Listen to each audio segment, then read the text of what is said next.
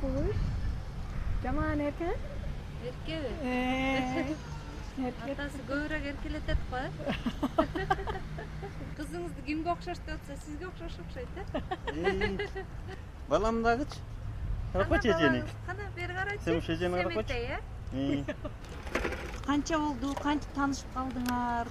Кантип экөөңөрдү тагдыр кантип бириктирди мен ошо нарындан болом жумгал районунан байзак айыл өкмөтүндө ошол жакта иштечүмүн анан меган ошо аксакалдар боюнча келген изилдеп ошондон анан экөөбүз бири бирибизге жардамдашып анан ошол жактан таанышканбыз да негизи айылдан таанышканбыз бул чет өлкөлүк кыз эмнеси менен арбады?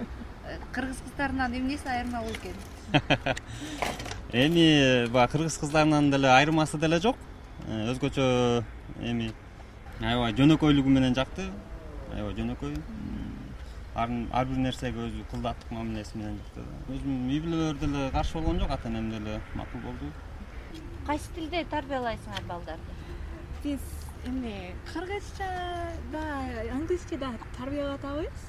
А, негизи мен ани менен жана бөбөгүм менен англис тилинде сүйлөшөм анан жолдошум башкага кыргыз тилинде сүйлөшөт аттарын кыргызча койгон турбайсыңарбы? Кимдер койду ат? А, ошо чоң атасы семетей деген ат койду.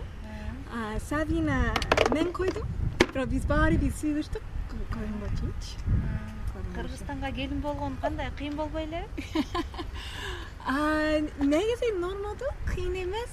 Кайын атамдар өтө жакшы киши негизичи кыйналышпайт менен. Ошого аябай ыраазымын анан мисалы үчүн айылга барсам анан салттар кылып жоолук салыш керек кызмат кылыш керек. Буп баарын ошондон бир аз кыйналам чынын айтсам. Бирок- кызмат кыласыңар да бирок. Э кылам ооба. Жүгүндүңөрбү жүгүндүм биз айылдан той кылдык анан ошо көчөгөдөн арткасында отурдум кечке буп баарын ошо кылдык. Көшөгөнүн артында? Э ошо уй саап ушундай иштерди кылып атасыңарбы үй салбайм аябай аракет кылдым анан чынын айтсам ошол салттарга көнө элекмин жолдошуңар кантип жагып калды? Эмнеси менен жакты ал ой негизи өтө өтө жакшы киши. Ооба как. Инсан жактан өтө жакшы. Сонун ата бирок мен биз тааныганда мен билчү эмесмин о сонун ата болот. Жашоо эмне экенин ойгойт дегендейчи. Ошол кичинекей нерседен баштады. Анан аябай негизи мүнөзү сонун? Сиз өзү кыргызстанда дагы э, кыз ала качуу гендер боюнча изилдеп жүрөсүз э? Э, эмнеге көңүл буруп атасыз көбүнчө? Ала качуу болсо таң калыштуу нерселер көп чынын айтсам кыргызча келгенге чейин мен вообще уга элек болчумун. Ала качуу деген бар. Анан жөн эле анын болгонунан аябай таң калдым. Бирок ошол исследование болсо менен болгон чоң топ изилдөөчүлөр менен. Эң таң калыштуу нерселер биринчиси участковыйлар кээ бирөөлөр айтышат ошол эмне ала качуу жаман деп айтышат бирок көп көп көптөр айтышат «А, жаман болсо мен эч нерсе кыла албайм. Же даже кээ бирөөлөр «А, анча жаман эмес мен өзүмдүн аялымды ала качкам деп айтышат ооба ошол аябай таң калыштуу болду мага. Участковый жактан жеңилдердин ролу да чоң бекен ала качууда. Көп жеңилдер кайсы кызды ала качышат деп тандашат бул кыз жоош экен же бул кыз жакшы кызмат кыла алат могу муну ала качалы. А бала өзү бул кызды тааныбаса же уже өзүнүн сүйлөшкөн кызы бар болсо баары бир макул болот анткени жеңеси жана апасы көбүнчө айтышат. Могу бул кыз жакшы. Ошондон аябай таң калдым. Кайын иниме айтсам ага вообще таң калыштуу эмес айтты. А ооба ошондой албетте ошондой анан. Сиз тандайсызбы? Деп тамашалап койду. Анан жок. Бирок ошол жеңелердики апалардыки баланыкы жигиттики ошо кыздыки бүт баары чоң система экен? Анан ала качуу боюнча жана бир долбоор баштап атсаңар эле э юристтер боюнча баштап атабыз бул жаңы ага качуу боюнча эмес бул кризис центрге кайрылган аялдарга жардам. Мен азыр америкалык университетте иштеп атам. Анан студенттер менен биз келерки семестрге китептер жасайбыз.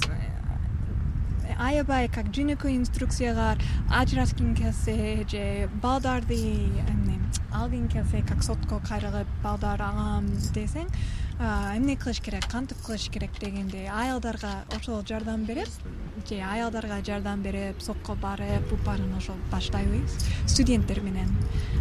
Башында бишкектеги болот бирок буюрса бир жылдан эки жылдан кийин башка жактарга барабыз. Буюрса кыргызстанга келгениңизге канча болду? Жашап атканыңыз уже төрт жыл болду эмнеси жакты эң жаккан эмне болду кыргызстанда эң жаккан. Ой үй болуш керек жолдошум анан кайнатамдардын балдарым ошол болуш керек.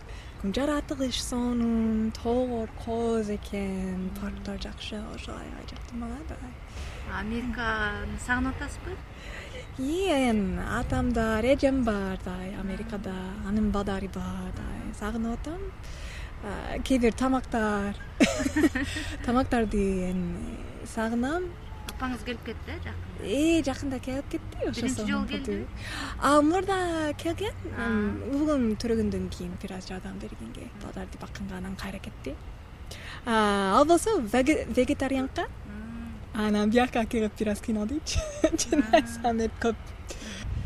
Тамак демекчи сиз дагы келгенде кыйналдыңыз беле анан үйдө көбүнчө кайсы тамакты жасайсыз ой мен мен болсом америкалык тамак жасайм пицца гамбургер эмне.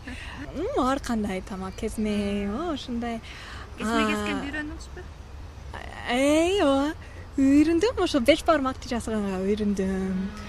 Бирок дагы эле лагман жасай албайм могу мындай кезме кылганга кыла албайм же мантти жасаганга да үйрөнүп атам.